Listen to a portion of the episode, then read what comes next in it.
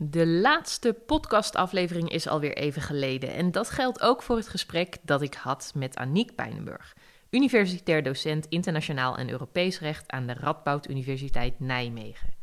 Haar onderzoek bevindt zich op het snijvlak tussen mensenrechten en migratie, met een specifieke focus op aansprakelijkheid en mensenrechten schendingen.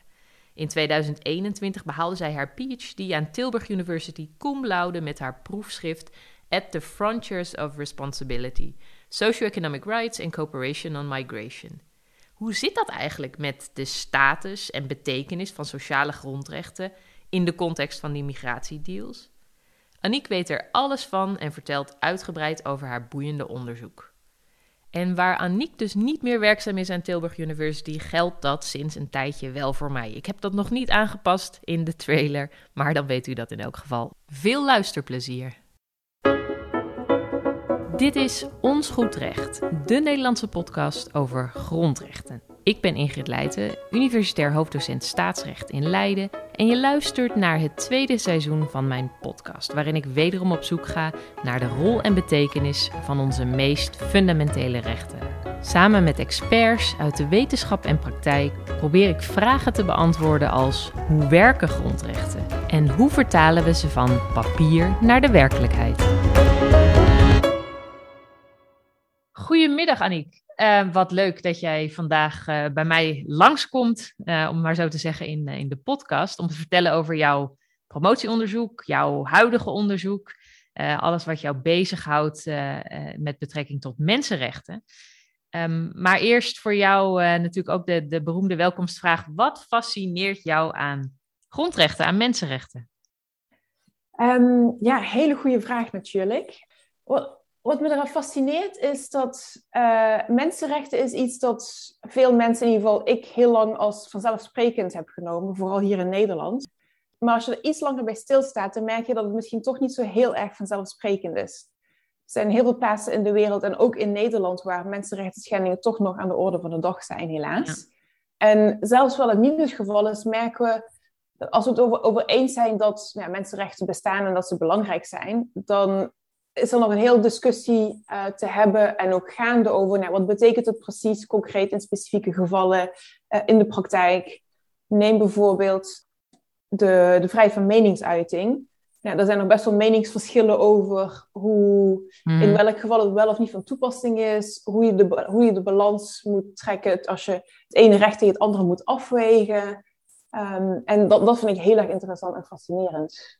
Ja, heb jij ook wel de indruk dat dat we ons daar bewuster van zijn geworden, ook de afgelopen twee jaar misschien wel, dat, hè, dat mensenrechten echt iets is van ons allemaal. En dat we, hoe dan ook, eh, en zeker tijdens een pandemie natuurlijk, geconfronteerd worden met beperkingen ook. Ja, zeker. Ik denk dat we inderdaad veel meer over zijn gaan nadenken. Ja. Uh, omdat je opeens merkt van, god, de regering kan ons opeens zomaar opsluiten in onze huizen, bij van spreken. Iets waar je, nou, persoonlijk had ik er nooit eerder bij stilgestaan. Ja. Maar dat, dat, dat kan dus, zeg maar. En dan ga je inderdaad ook veel vragen stellen over nou ja, hoe, hoe moet je de rechten van tegen elkaar afwegen, zeg maar. De, nou ja, het is belangrijk dat kinderen naar school gaan, maar de, de zorg moet ook nog overeind blijven staan. En, nou ja, en hoe, ja, hoe, hoe weeg je al die belangen af en welke rechten zijn dan uh, in het geding en ja, welke zijn dan, mogen worden ingeperkt, welke niet, in hoeverre, enzovoort, enzovoort. Ja, ja. ja. En ook bijvoorbeeld zoiets als uh, woonprotest of zo. Hè? Dat is natuurlijk ook iets wat we steeds meer linken aan fundamentele rechten. Uh, en ook op dat gebied uh, worden we ons bewust van nou ja, dat die rechten er op dagelijkse basis toe doen.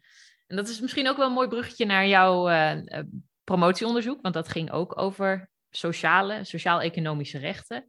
Je bent in 2021, nog niet zo heel lang geleden, gepromoveerd op een onderzoek naar samenwerking op het gebied van migratie, sociaal-economische rechten, welke rol die daarbij spelen.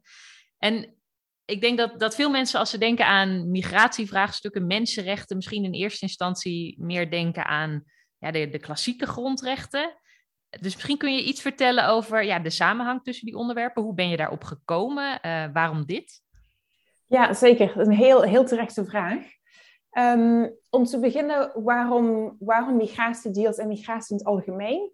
Um, ik heb mijn het voorstel van een promotieonderzoek in de eerste maanden van 2016 geschreven. Hmm. En dat was natuurlijk het hoogtepunt van de zogenaamde Europese migratiecrisis, de vluchtelingencrisis. Ja. Denk aan de EU-Turkije-deal van 18 maart 2016.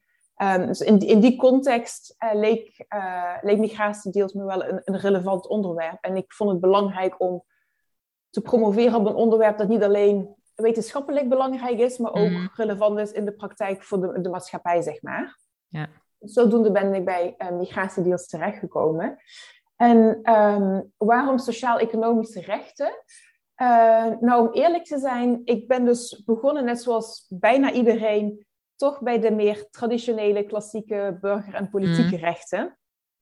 Dus je hebt in het vluchtelingen- en het migratierecht een belangrijk beginsel, het verbod op refoulement. Ja. Ehm, dat in feite inhoudt dat je niet iemand mag terugsturen naar een land waar er een risico is dat ze worden gedood of ernstig mishandeld. Um, en ook veel andere meer ja, traditionele rechten, denk aan het folterverbod, het recht op leven enzovoort. Dat is toch wel, nou, dat is mijn uitgangspunt geweest en dat is het ook heel vaak in de meeste literatuur, zeg maar. Ook, ook zelfs ook de, de politieke rechten en zo natuurlijk, hè? omdat we vaak denken als iemand zich verplaatst, dan, nou ja, dan verliest hij ook zijn, zijn politieke rechten als onderdeel van een staat. Ik ben zelf altijd een beetje gefrustreerd als uh, sociaal-economische rechten, als die een beetje ondergesneeuwd raken en als ze mhm. worden vergeten. Want als je denkt aan de 4 miljoen uh, Syrische vluchtelingen in Turkije bijvoorbeeld, je zou kunnen beargumenteren dat hun grootste probleem zijn niet schendingen van hun burger- en politieke rechten, maar van hun sociaal-economische rechten. De grootste zorg is meestal kunnen mijn kinderen naar school gaan? Heb ik genoeg brood op de plank? Heb ik een dak boven mijn hoofd? Heb ik toegang tot werk? Dat soort dingen. En daar was eigenlijk naar verhouding heel weinig aandacht aan besteed. Dus ik wilde ze wel van meet af aan meenemen in, in mijn onderzoek. Dat vond ik wel belangrijk. En ehm, juridisch gezien was het ook wel interessant, omdat ze net een ander licht werpen op bepaalde vraagstukken. Met name uh, de kwestie van de rechtsmacht, die heel erg belangrijk is als we het hebben over migratiedeals. Mm wil ik echt wel kijken in hoeverre ja, sociaal-economische rechten daar misschien een, ja, een nieuw licht op kunnen werpen, zeg maar. En geleidelijk aan uh, werd me duidelijk dat er zo goed als niks, dat letterlijk één artikel worden geschreven over sociaal-economische rechten en mm. migratiedeals in de context van Australië. En verder helemaal niks. Um, terwijl er heel veel was geschreven over burger- en politieke rechten. En daarom heb ik besloten om te focussen uiteindelijk alleen maar op sociaal-economische rechten. Omdat er, naar mijn mening, echt nog wel een gat was dat moest worden gevuld. Een, een gat in de markt. Ehm, maar inderdaad, je, je, zegt het zelf al heel intuïtief. Um, soms zijn sociaal-economische rechten misschien wel belangrijker. Het, een soort van eerste basisbehoefte. Uh, daar zijn we toch wel een beetje over eens. Maar waarom ligt dit dan toch zo gevoelig? Ook in die context van migratiedeals en migratie überhaupt? Ja, ja migratie en migratiedeals is natuurlijk de hot potato in town tegenwoordig. In, in hmm. ieder geval pre-corona. Het is nu nog steeds politiek ligt het uiterst gevoelig. Ja. Uh, dus dat, dat, dat speelt wel niet mee als je een discussie hebt over grondrechten. En dan zodra migratie om hoe, komt kijken, dan wordt het alleen maar ingewikkelder en politiek meer beladen. Dus dat, dat helpt al niet mee. Wat verder meer in het algemeen speelt, is dat ik de indruk heb dat sociaal-economische rechten voornamelijk in het Westen ehm, minder serieus worden genomen dan burger- en politieke rechten. We hebben nog steeds het idee, als je aan mensenrechten denkt, dat soort van traditionele idee van, oh, rechten die het individu beschermen tegen de overheid. Dus echt vrijheid van meningsuiting, folterverbod, recht op leven. Dat is echt het traditionele EVRM-verhaal, zeg maar. Ja. Ehm, en je ziet ook bijvoorbeeld in, ja, in Nederland uh, heerst best wel de opvatting uh, dat sociaal-economische rechten niet voor de rechten afdwingbaar zijn, bijvoorbeeld. Dus dat, dat idee leeft heel erg. En wat, wat ook wel zo is, is dat hoewel je niet. Ik denk niet dat je een heel strikte scheiding kunt maken tussen aan de ene kant sociaal-economische rechten en aan de andere kant burger- en politieke rechten. Dus toch wel, de een heeft de ander nodig en ze lopen ook wel deels in elkaar over. Ja. Maar um, het, het idee leeft en in zekere zin uh, klopt het ook wel dat om sociaal-economische rechten te waarborgen, komt vaak toch ook iets meer van financiën om de hoek kijken. Het, is, het mm. gaat misschien toch ietsjes minder over de staat moet zich onthouden van iets te doen. Niet alleen een nalaten, maar ook toch wel een actief handelen. En, en, wat dan precies wordt geboden, dat is dan ook nog niet altijd heel erg, uh, heel erg duidelijk. Omdat ook in het algemeen juridisch gezien, wat ik in het begin al zei, we hebben niet we zijn het er allemaal over eens dat er bestaat zoiets als vrijheid van meningsuiting, maar wat betekent dat in een concreet geval? Mag iets wel of niet gezegd worden? Daar willen we nog wel eens over debatteren. En met sociaal-economische rechten is dat nog veel minder duidelijk. Als het minder duidelijk is wat sociaal-economische rechten precies inhouden, en dus ook wat de verplichtingen van staten zijn, dan wordt de hele discussie natuurlijk een stuk ingewikkelder als het juridisch kader niet, niet helder en niet, en niet duidelijk is. Ja, ja, heel herkenbaar. Ik heb me natuurlijk ook uh, met die onderwerpen bezig gehouden. Dus traditioneel het idee dat ze veel positiever van aard zijn. Uh, en, en, terwijl dat ook best wel geldt voor klassieke rechten. Hè, en ook, ook steeds meer, dat daar ook positieve verplichtingen bij komen kijken. Dat ze te vaag zijn om um, in de praktijk te brengen. Ik, ik moet ook denken aan, ik gaf laatst een, uh, een korte lezing bij een uh, club Um, van het uh, Chileense comité en wat Chileense wetenschappers die bezig zijn met de nieuwe grondwet. En daar was ook de vraag van moeten daar sociaal-economische rechten in? En zelfs daar, hè, terwijl in Latijns-Amerika best wel uh, die cultuur er is, misschien wel meer dan in het Westen, waar we toch vaak oudere grondwetten hebben die heel erg gebaseerd zijn op de klassieke vrijheidsgedachten. Uh, zelfs daar was heel erg de huivering zo van, oh, als we nou iets gaan doen met die sociaal-economische rechten, dan moeten we allemaal dure medicatie gaan betalen voor iedereen en uh, zorgen dat iedereen morgen een huis heeft. Um, hè, en dat zijn mensen die al een tijdje bezig zijn met nadenken over grondwet en, en grondrechten. Uh, dus het is best heel lastig om van dat beetje tweederangs imago af te komen. Zeker, zeker heel herkenbaar, ja. Ja, dus jij bent daarop gaan, gaan focussen. Uh, misschien kun je nog iets meer zeggen over wat, hè, wat voor migratiedeals hebben we het nu over? En heb je daar dan ook daadwerkelijk iets kunnen vinden van eh, ja, min of meer concrete verplichtingen of aanknopingspunten? Ja, uh, nou, de deals waarop ik heb uh, gefocust, ik heb gekeken naar wat, wat er zeg maar de deals die Europa sluit met buurlanden en dan met mhm. name Turkije en, en Libië. De EU-Turkije-deal die is denk ik vooral vrij bekend bij de meeste mensen. Maar er wordt ook nauw samengewerkt, met name tussen Italië en Libië, maar ook tussen de EU en andere lidstaten en, en Libië. Met name door de, de Libische kustwacht in feite op te tuigen en te financieren mm. en te voorzien van training en van boten. Um, waardoor het nu de vroeger, je had een, een, een, vrij beroemde zaak bij het Europees Hof voor de Rechten van de Mens, de zaak van Hirsi Jamaa tegen Italië, mm -hmm. waarin Italië in feite op de vingers werd getikt, omdat het vluchtelingen op de Middellandse Zee had, op, had onderschept, aan boord zijn eigen boten had gebracht en teruggebracht naar Libië. En daarvan vond het ERM dat dat niet mocht. En wat je nu heel erg ziet, is dat Italië dat niet meer doet. Maar in feite dat de Libische kustwacht dat namens Italië en Europa doet, zeg maar. Dus die, die situatie een beetje heb ik, uh, heb, heb ik bekeken. Maar ik heb ook breder gekeken. Dus ook naar wat uh, de deals die de VS en Australië sluiten met buurlanden als Guatemala, Mexico, Indonesië, Nauru en uh, Papua Nieuw-Guinea. Dat is een beetje het, het, grote, het grote kader. Ja. Um, en wat, wat je denk ik wel zult herkennen is dat sociaal-economische rechten in zekere zin een beetje onbevredigend zijn, omdat je, tenminste, ik heb niet heel veel meer kunnen doen dan een, vooral een toetsingskader kunnen schetsen. Mm um, wat al, op zich al niet slecht is, denk ik. Maar om het dan toe te passen in de praktijk, dan, nou ja, dat past niet in één proefschrift. En dan moet je ook alweer heel gauw, met een pure juridische analyse kom je er niet, zeg maar. Want dan kom je dan heel vaak snel bij de vraag, heeft een staat redelijke maatregelen genomen? En was een, is een staat, een staat die uh, sociaal-economische rechten niet waarborgt, kan de staat dat, maar wil de staat dat niet doen? Of mm is het zo dat de staat het wel wil, maar het niet kan, omdat de staat niet over, de, over voldoende middelen beschikt, zeg maar. En die vraag kun je met een, ja, een puur juridische analyse niet beantwoorden. Dan moet je echt een halve econoom zijn, zo'n beetje, om dat uh, te kunnen doen.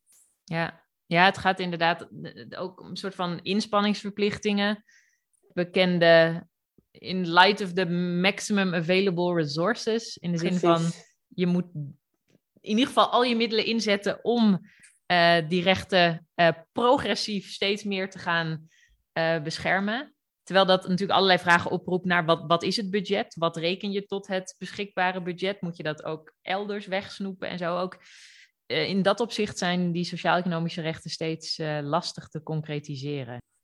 En um, ik zit ook te denken aan een, uh, een artikel dat jij daar later over schreef, naar aanleiding van jouw proefschrift. En, en daar ga je ook wat concreter in op het uh, IVSCR. Jazeker. Wat, wat ik in dat artikel vooral heb geprobeerd te doen, is de, de hele brede analyse van mijn proefschrift heel erg toe te spitsen op een, een, concreet, een concrete casus, zeg maar.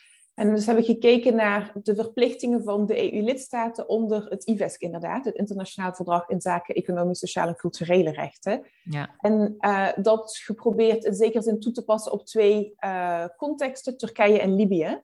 Mm Om te kijken in hoeverre EU-lidstaten verplichtingen hebben onder dat verdrag om bij te dragen aan het waarborgen van de sociaal-economische rechten van vluchtelingen en migranten die in Turkije en in Libië door die migratiedeals uh, verblijven in plaats van dat ze doorreizen naar, naar Europa, zeg maar. Wat ik daar tegenkwam, um, qua juridische analyse grotendeels wat ik in mijn proefschrift breder heb getrokken met ook andere verdragen. Mhm. Ehm, en wat je, wat je ziet is dat onder het, het IVESC zelf, technisch gezien, daar staat geen jurisdictieclausule in. Dus als je denkt bijvoorbeeld aan het EVRM, daar staat in artikel 1 dat de staten die partij zijn bij het EVRM, die hebben verplichtingen ten opzichte van mensen binnen hun rechtsmacht. En mhm. dus is de vraag, wanneer is sprake van rechtsmacht, is een heel cruciale vraag. Ja. En onder het IVBPR, dus het zusterverdrag van het IVESC op internationaal niveau, staat iets vergelijkbaars in artikel 2, uh, eh, lid 1. Dat een staat verplichting heeft ten opzichte van mensen op zijn grondgebied of binnen zijn rechtsmacht. En internationaal gezien, zoals je weet, is de aanname dat de staat um, rechtsmacht uitoefent over zijn eigen grondgebied. Dus dat is niet zo spannend in de meeste gevallen. Mhm. Maar de meer interessante vraag is, in welke gevallen is sprake van extraterritoriale rechtsmacht? Dus onder welke omstandigheden kan een staat rechtsmacht uitoefenen en dus mensenrechtenverplichting hebben buiten zijn eigen grondgebied? Ja. Nou, en zoals je weet, onder het, als je het uh, Europees Hof voor de Rechten van de Mens vraagt, die zegt heel vaak dat sprake moet zijn van effectieve controle over mhm. een persoon of over een grondgebied. Het gaat heel erg over fysieke macht. Zeg. Terwijl als je kijkt naar de aanpak van het comité dat toeziet op het IVESC, en ook naar recente uitspraken van het Mensenrechtencomité dat toeziet op het IVBPR, daar zie je dat er iets meer van, wat in de wetenschap wel een functionele benadering wordt benoemd, mhm. van uh, rechtsmacht.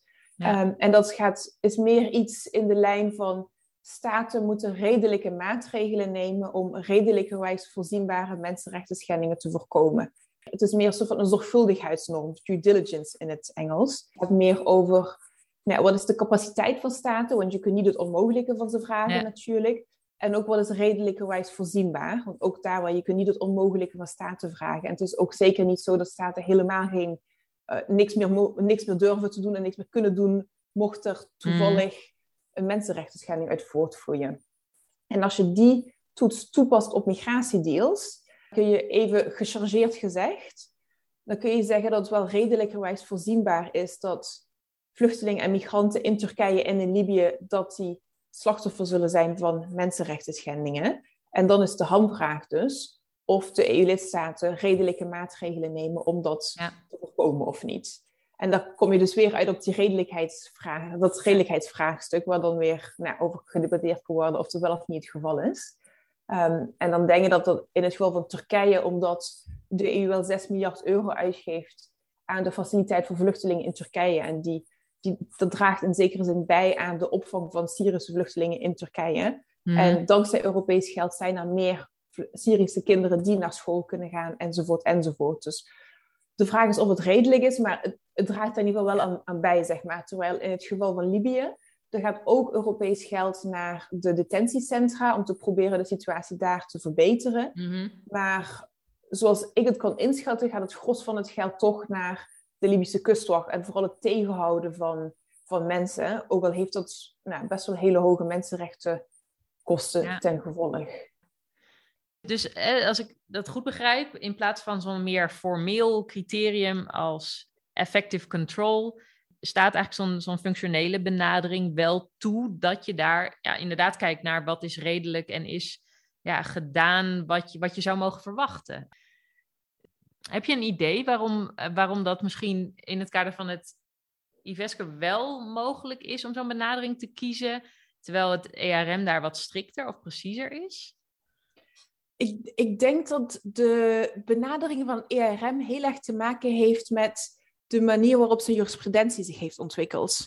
Als je mhm. kijkt naar de. De ERM heeft in zekere zin niet de luxe die de mensenrechtencomité's hebben om een general comment te kunnen maken, waarin ze dus rustig gaan nadenken over nou ja, hoe zit het nu precies en, en de grote lijnen uitstippelen. Het ERM is heel erg afhankelijk van welke zaken het krijgt voorgeschoteld. Ja. En, en, en die zaken, en als je ziet hoe de jurisprudentie zich heeft ontwikkeld, dan is, is mijn vermoeden dat dat het heel erg daaruit voortvloeit, zeg maar. Je, hebt, je had de, de zaken van um, Cyprus en Turkije, mhm. waar er sprake was van effectieve controle over een grondgebied. En dan had je de, de, de beruchte Bankovic-uitspraak, uiteraard, uh, die net na 9-11 kwam, um, waar het Hof, denk ik, uit, een beetje uit angst voor heel veel rechtszaken de deur behoorlijk dicht heeft gegooid. En die tien jaar later in Alskijnie toch weer iets meer open heeft gemaakt om toch ja, schrijnende gevallen uh, toch weer toe te laten. En, en je ziet dat nou, heel erg afhankelijk van, van de zaken en de precieze de, de feiten in, in, in, een, in een specifieke zaak, dat dan nou ja, de deur soms meer open wordt gelaten dan, dan in andere keren, zeg maar. En, en sommige mensen zeggen ook dat zelfs in de jurisprudentie van een ERM, dat je kunt een lijn kunt ontwaren, dat er ook toch meer openheid is voor die, die meer functionele mhm. aanpak. Wat je ook wel ziet in bijvoorbeeld het recente arrest van Carter tegen Rusland, van de weduwe van Litvinenko, die uh, met polonium is vergiftigd in Londen, die beruchte mhm, zaak. Ja. Waarin, nou, hoewel er geen sprake was van fysieke macht in de zin van hij werd niet vastgehouden of zo, maar hij werd wel door een theepot vergiftigd. En dan was toch sprake van extraterritoriale rechtsmacht, zeg maar. Dus ja, ja, dat soort zaken zie je ook wel eens voorbij komen binnen de jurisprudentie van het EARM. En, en, ik denk dus om, en ook heel, ja, dus het soort zaken waar het ERM mee te maken heeft, dus gaat heel vaak over um, ja, militaire ingrepen, over mensen die in het buitenland gevangen worden gehouden, dat soort zaken. Dus een beetje de, de harde, traditionele mhm weer BUPO-rechten, burger- en politieke rechten. Ja. Terwijl als je kijkt naar sociaal-economische rechten, is het misschien in zekere zin makkelijker te begrijpen dat een staat ook een impact kan hebben op sociaal-economische rechten in het buitenland, zonder dat sprake is van fysieke macht. Door bijvoorbeeld de prijzen van voedsel, de wereldwijde prijzen van voedsel te mhm. beïnvloeden, of um, door een um, import of een export, uh, om dat te, aan, aan, banden te stellen. Dus er zijn heel veel manieren waarop je de, de ja, sociaal-economische rechten kunt beïnvloeden zonder dat sprake hoeft te zijn van fysieke macht over een, een persoon uh, of over een grondgebied. En, en misschien dat daarom het, het comité in zaken economisch, sociaal, culturele rechten er iets meer voor open staat dan, dan het ERM. Ja, ja, en daar komt misschien ook wel bij dat het natuurlijk allemaal net wat minder bindend is. Dus dat, um, dat je misschien iets flexibeler kunt zijn. Want als het Straatsburg natuurlijk iets keihard uh, opengooit in de rechtspraak, dan, nou ja, dan worden daar misschien staten boos. Of je krijgt heel veel uh, zaken over je heen. Het is wel grappig ook dit punt. Ik weet nog dat ik uh, mijn proefschrift verdedigde in de zomer van 2015. Um, dus toen was dat, waren er ook nou ja, migratiestromen, et cetera. En dat ging ook over de, de sociaal-economische bescherming onder het EVRM. En in hoeverre minimum core obligations daaronder kunnen worden geschaard. En ik weet nog dat ik een vraag kreeg tijdens mijn verdediging, die me best eventjes van mijn pad bracht. Namelijk, wat betekent dit nu um, in het kader van die vluchtelingenstromen? Zou je daar dan ook uh, die minimum sociaal-economische verplichtingen in kunnen lezen in het EVRM. En ik geloof dat ik toen ook iets vaag heb geantwoord met, met effective control. Maar uh, ik denk dat je helemaal gelijk hebt hoor. Dat juist ook zo'n ja, zo'n functionele benadering misschien best wel past ook bij, het, ja, bij hoe, hoe sociaal-economische rechten werken? En, en welke invloeden daarbij een rol spelen. Mijn conclusie in, in het artikel en ook in mijn proefschrift is. Uh, maar dit is juridisch gezien is dit veel minder duidelijk. Dus echt ja, iets meer uh, nieuw terrein. Um, maar zoals ik het zie, zou je kunnen beargumenteren dat er onder het IVESC dat staat twee soorten verplichtingen hebben. Mm -hmm. Wat ik rechtstreekse verplichtingen noem, dat zijn degenen die ik net uh, benoemde met betrekking tot, tot rechtsmacht. Dus een beetje zoals andere mensenrechtenverdragen uh, functioneren. Ja. Maar als je kijkt naar uh, artikel 2, lid 1 van het IVESC, dus de, de zusterbepaling van de jurisdictieclausule van het IVBPR, dan zie je dat er eigenlijk het, het woord rechtsmacht of grondgebied komt er helemaal niet in voor. Mm -hmm. En het, uh, het IVESC is dus eigenlijk helemaal niet beperkt aan rechtsmacht. Dat is wel consequent worden uitgelegd in termen van rechtsmacht om het in lijn te brengen met andere mensenrechtenverdragen, zoals ja. het IVBPR en het IVRM. Maar in de praktijk staat het daar niet in. Maar er staat wel een referentie naar internationale hulp en samenwerking. Ja. Dus als we alleen maar kijken naar de rechtsmacht en de, die, die referentie aan internationale hulp en samenwerking links laten liggen, dan schieten we denk ik tekort. Mm -hmm. En als je kijkt naar het IWESC meer in het algemeen, er zijn nog in, ook in andere artikelen zijn ook referenties naar internationale hulp en samenwerking. Het komt ook voor in het optioneel protocol, in het VN-handvest, in een aantal andere verdragen, zoals het kinderrechtenverdrag, als het gaat om sociaal-economische rechten. Dus je kunt denk ik wel stellen, en over het algemeen is, is men het er wel over eens, dat staat ook algemene verplichtingen hebben tot internationale hulp en samenwerking. Het probleem is dat veel verder dan dit algemene statement, ja, veel verder dan dat, is er geen, uh, nog geen eenigheid. Het is nog -hmm. heel erg onduidelijk wat de aard van die verplichtingen überhaupt zijn ja. um, en wat de rijkwijde ervan is en hoe ze precies moeten worden verdeeld. En daar is nog ontzettend veel, uh, ontzettend veel onduidelijk.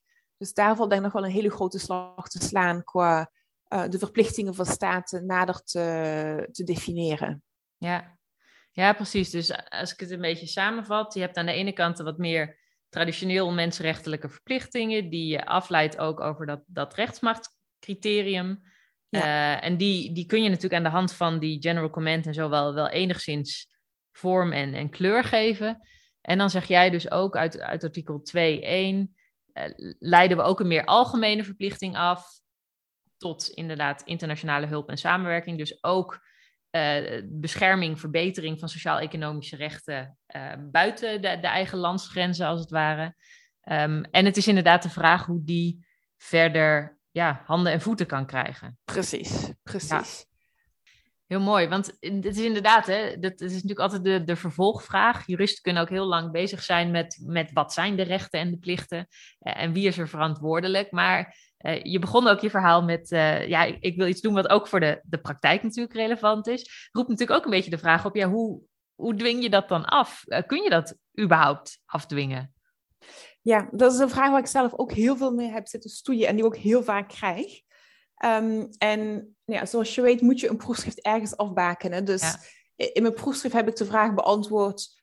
welke staten zijn verantwoordelijk voor mensenrechten schendingen in het kader van migratiedeals? En dan ben ik bewust blijven hangen bij de vraag van de verantwoordelijkheid. Mm -hmm. Dus meer in abstracto, zeg maar, kunnen, hoe kunnen we stellen dat een staat wel of niet uh, verantwoordelijk is?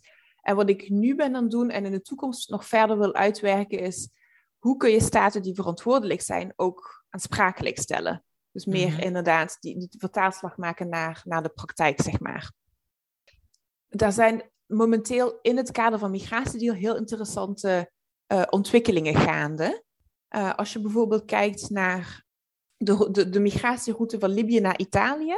Mm -hmm. um, dus in, de, de, dus, ja, de, in de, die route de, in de Middellandse Zee. Dan zie je uh, dat NGO's en advocaten, uh, heel erg actief zijn met strategisch procederen om uh, te proberen nou, mensenrechten schendingen in dat kader aan de kaak te stellen. En dat ze ook heel erg creatief bezig zijn. Ja. Um, je ziet bijvoorbeeld, er ligt nu een klacht bij het Europees Hof voor de Rechten van de Mens. Dat is de zaak van SS tegen Italië. En dat is in zekere zin een soort van opvolger op de zaak van Hirsi Jama die ik eerder benoemde. Mm -hmm. Want hier gaat het om ja, niet een Italiaans schip dat een migrantenboot onderschepte en terugstuurde naar Libië. Maar de Libische kustwacht die met hulp van Italië. Omdat de boot werd gegeven door Italië en acht van de dertien mensen aan boord van, de, van dat schip, die waren getraind door de EU. En de Libische kustwacht wordt gefinancierd door de EU, enzovoort, enzovoort. Ehm, dat, toen is de, de Libische kustwacht is samen met een NGO-schip, de Sea-Watch, zijn, uh, hebben geïnterveneerd bij een uh, migrantenboot die uh, aan het zinken was. Mm -hmm. um, en so sommige mensen hebben het gered en die zijn door Sea-Watch naar Italië gebracht. Anderen hebben het gered en zijn door de Libische kustwacht teruggebracht naar Libië. En mm -hmm. sommigen hebben het niet gered en zijn helaas verdronken. en die zaak die ligt nu bij het Europees Hof voor de Rechten van de Mens. Die ook weer een heel interessante vraag met betrekking tot de rechtsmacht oproept natuurlijk. Ja. Ja. Dus dat, dat is één zaak, maar dat is er maar eentje van de, hele, van de, van de vele. Want er liggen ook zaken bij andere mensenrechtencomité's. Uh, uh, er ligt met name, er liggen nog twee bij het Mensenrechtencomité. Ja. Eentje bij het VN Vrouwenrechtencomité. En er ligt nog een verzoek tot onderzoek bij het VN-comité tegen foltering.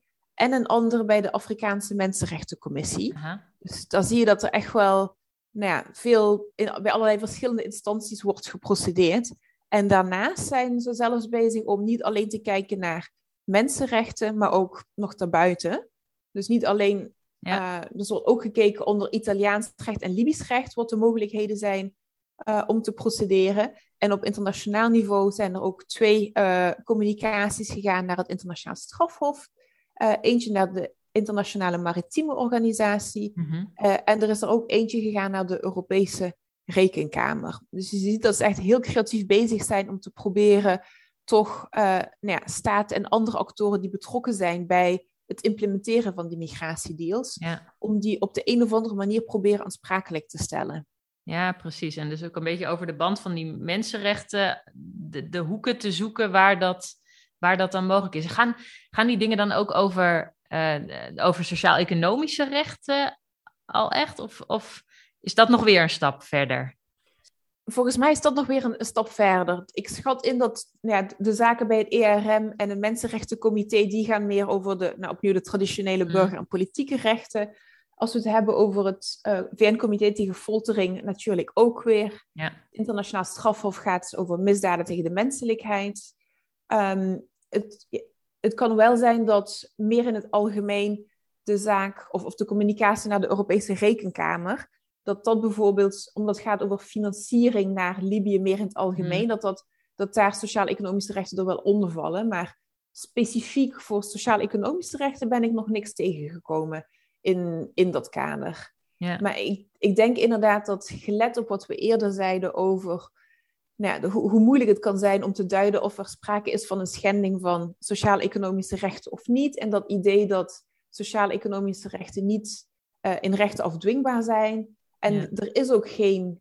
nou ja, je kunt, als je een juridisch bindende uitspraak wilt, in Europa kun je terecht bij het Europees Hof voor de Rechten van de Mens. Maar voor sociaal-economische rechten is er alleen een comité dat niet bindende uitspraken maakt. Dus in die zin is is het ook veel ingewikkelder. Ja, ja, en meer de, de collectieve en het politiekere uitspraken. Ik zit wel te denken, eh, het doet natuurlijk ook denken aan ehm, eh, zaken als MSS en ehm, eh, opvang van vluchtelingen die vervolgens nou ja, geen fatsoenlijke plek hebben om, om te leven en eten. En het gaat ook echt over sociaal-economische basisbehoeften. Natuurlijk heel duidelijk nou ja, binnen een land dat daar op dat moment verantwoordelijk voor is.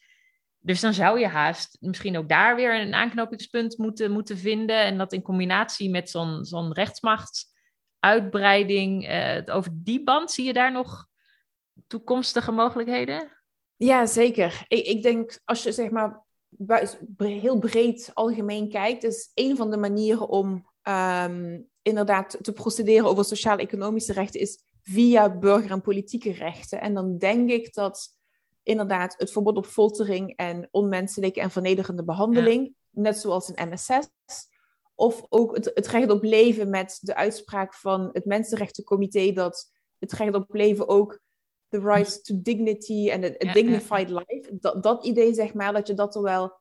ver- nou, makkelijk wil ik niet zeggen, maar dat je het er wel onder kunt scharen. En dat je bijvoorbeeld ook eh, nou ja, het recht op eh, gezondheid bijvoorbeeld relatief makkelijk zou kunnen koppelen aan het recht op leven.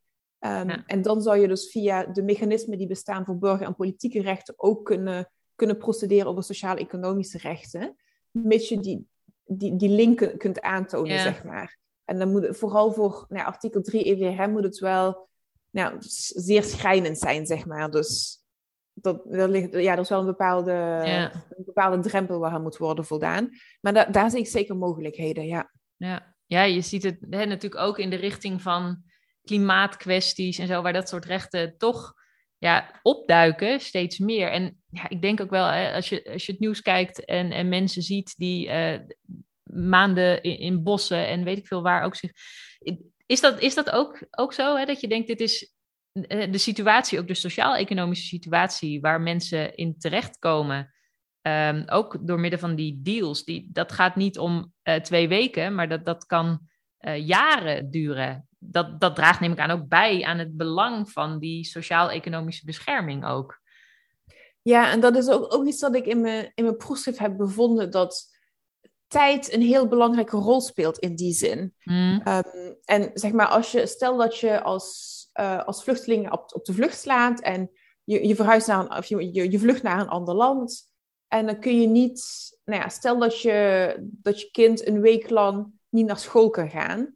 Ja. Nou, weet je, dat is misschien niet zo heel erg. Maar als, we, als we niet hebben over een, een week, maar vier jaar, ja. Ja, dan, dan wordt het wel duidelijk een schending van het recht op onderwijs. Ja. Dus in die zin maakt de, de tijd maakt wel een, speelt wel een rol. Dat zie je natuurlijk ook bij burger- en politieke rechten. Dat als iemand in slechte omstandigheden wordt opgesloten, als het voor een dag is, dan is het iets anders dan wanneer het voor tien jaar is. Dus dat, dat zie je altijd wel.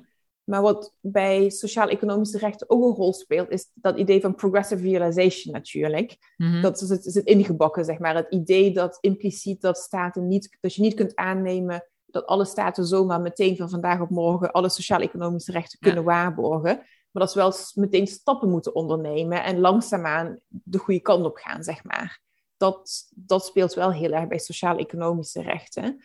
En dat speelt specifiek in het kader van migratiedeals ook nog eens hoe lang iemand op het grondgebied van de staat is. Want je zou ook nog kunnen zeggen van, goh, een staat heeft minder verplichtingen ten opzichte van iemand die alleen maar één of twee dagen op doorreis is, bij wijze van spreken, dan ten opzichte van iemand die jarenlang uh, woont en werkt en, en noem maar op. Ja. ja, en dat zijn ook wel dingen die je kunt vangen in zo'n zo'n redelijkheidseis. Hè? Um, Precies. Het is inderdaad best redelijk als iemand een paar weken uh, wat misschien wat erbarmelijke omstandigheden uh, moet doorkomen. Dat, dat zien we natuurlijk ook in, in Nederland met opvang, et cetera. Maar op het moment dat het gaat om jaren, um, dan wordt dat veel duidelijker dat er in ieder geval iemand verantwoordelijk zou moeten zijn.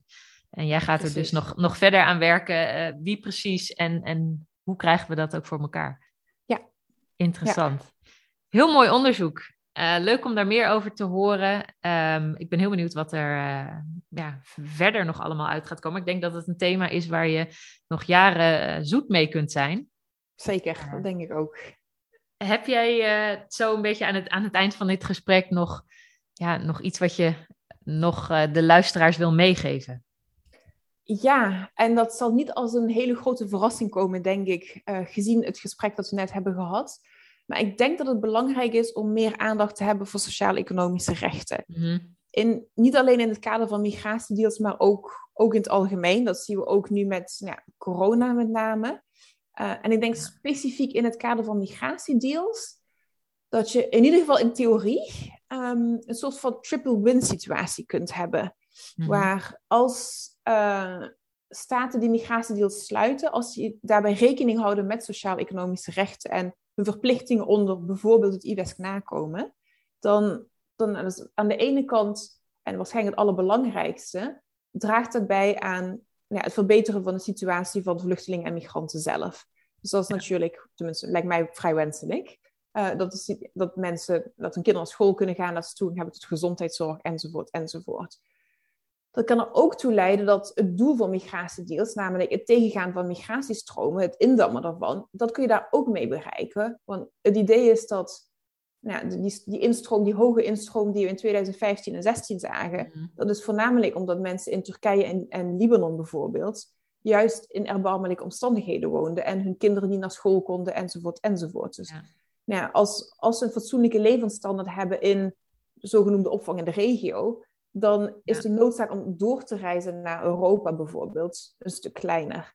En tenslotte, als staten dat doen, ja, dan voldoen ze ook aan een verplichting onder het IVESC.